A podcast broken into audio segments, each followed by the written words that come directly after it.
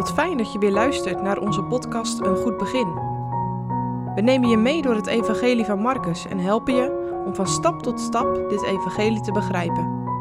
Vandaag met Dirk-Jan Nijsink. We lezen vandaag Marcus 14, vers 66 tot 72. En toen Petrus beneden in de zaal was, kwam een van de dienstmaagden van de hoge priester. En Petrus ziende, die zich warmde, zag hij hem aan en zei: Ook gij waart met Jezus de Nazarener. Maar hij heeft het gelogend, zeggend: Ik ken hem niet. En ik weet niet wat gij zegt. En hij ging buiten in de voorzaal. En de haan kraaide. En de dienstmaagd, hem weerziende, begon te zeggen tot hen die daarbij stonden: Deze is een van die. Maar hij logende het weer. En een weinig daarna, die daarbij stonden, zeiden weer tot Petrus: Waarlijk, gij zijt een van die.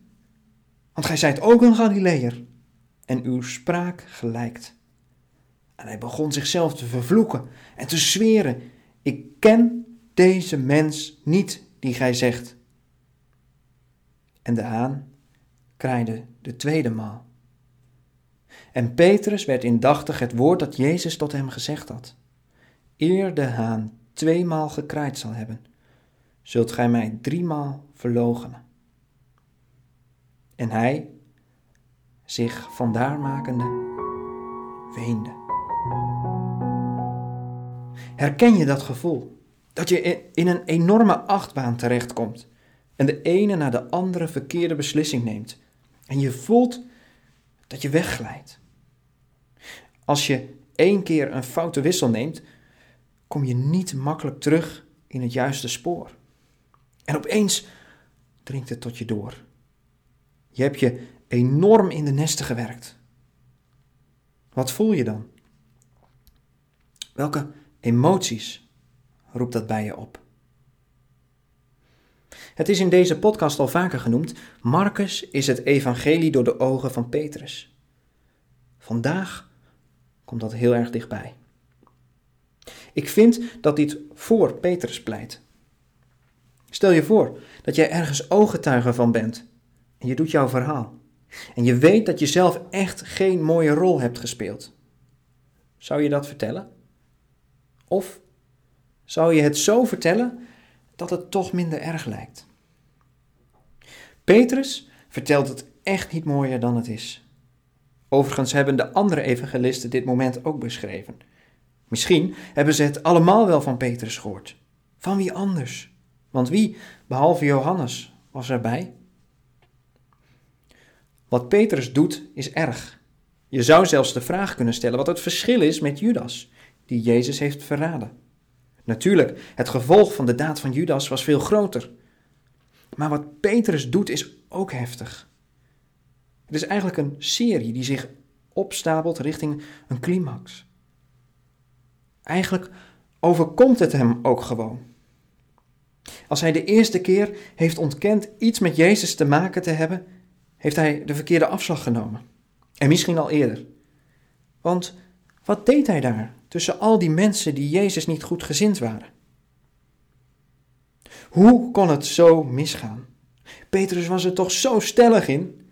Iedereen kon Jezus verlaten, maar hij zou dat nooit doen. En natuurlijk meende Petrus dat. Maar daar zit het hem, denk ik nu juist. Want Jezus had hem daarop voorbereid. Maar dat was toen tegen dovermans oren gezegd. En Petrus staat heftig te ontkennen. Hij vloekt en zweert er zelfs bij. Is het angst? Is het toch dat onbehagelijke gevoel dat hij weet dat het fout gaat? Het kraaien van de haan is voor hem het moment waarop hij tot zichzelf komt.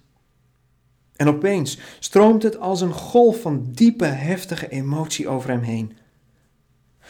Wat heb ik gedaan? En hij kan alleen maar huilen, huilen, huilen. Alles stort in. Hij is zijn Heere Jezus kwijt. Gelukkig is dat niet zo. Jezus had het gezegd: Petrus, ik heb voor jou gebeden. Zijn diepe verdriet verraadt zijn liefde voor de Heer Jezus.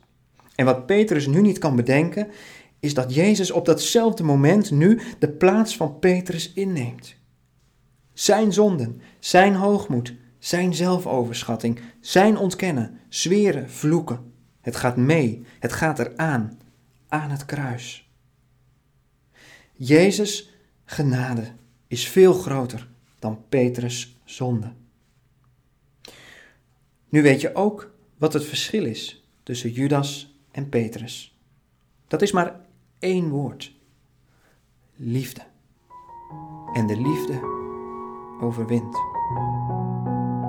Luister vandaag eens naar het Erbarme dich uit de Matthäus Passion van Bach. Dit verklankt het berouw van Petrus. Al jaren vinden mensen dit het mooiste muziekstuk ooit. Waarom denk je? Raakt het jou ook?